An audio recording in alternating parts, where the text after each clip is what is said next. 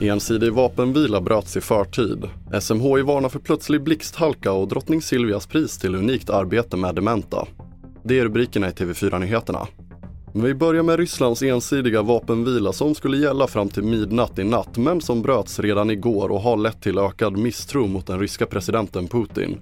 Både USA och Ukraina säger att det ryska eldupphöret var en täckmantel för att kunna omgruppera och mobilisera flera ryska soldater. Men det ryska försvarsdepartementet hävdar att landet respekterar eldupphöret och anklagar Ukraina för artilleribeskjutning. Ja, efter 300 dagar, eller över 300 dagar av eh, en storskalig rysk invasion så finns det knappt någon i det här landet som litar på något som Putin och Ryssland säger.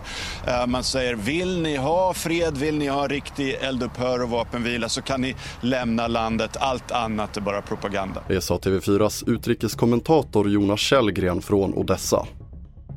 Vi fortsätter med att SMHI har utfärdat en gul varning för plötslig ishalka under dagen. Varningen gäller i Svealand och södra Norrland där regn och underkylt regn väntas och vädret kan ställa till det i trafiken och SMHI varnar för halka på vägarna och risk för olyckor.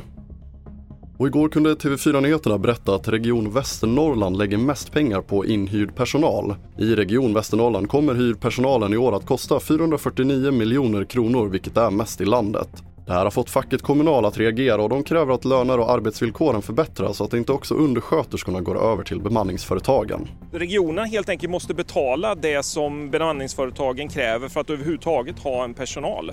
Och det här måste vi sätta stopp för och det här klarar inte regionerna att göra själva utan eh, vi vill se nu att det krävs nationella åtgärder på det här området och att man helt enkelt lagstiftar om detta. Det sa Peder Björk som är riksdagsledamot. Och vi avslutar med Marie Svensson som är utbildad undersköterska med specialkunskap i demensvård och i mer än fem år kämpade hon för att få driva demensvård på sin gård i Hasslöv utanför Laholm.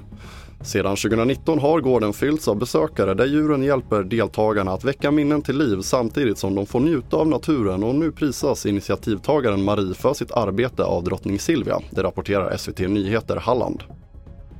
Fler nyheter hittar du på tv4.se. Jag heter André Meternan Persson.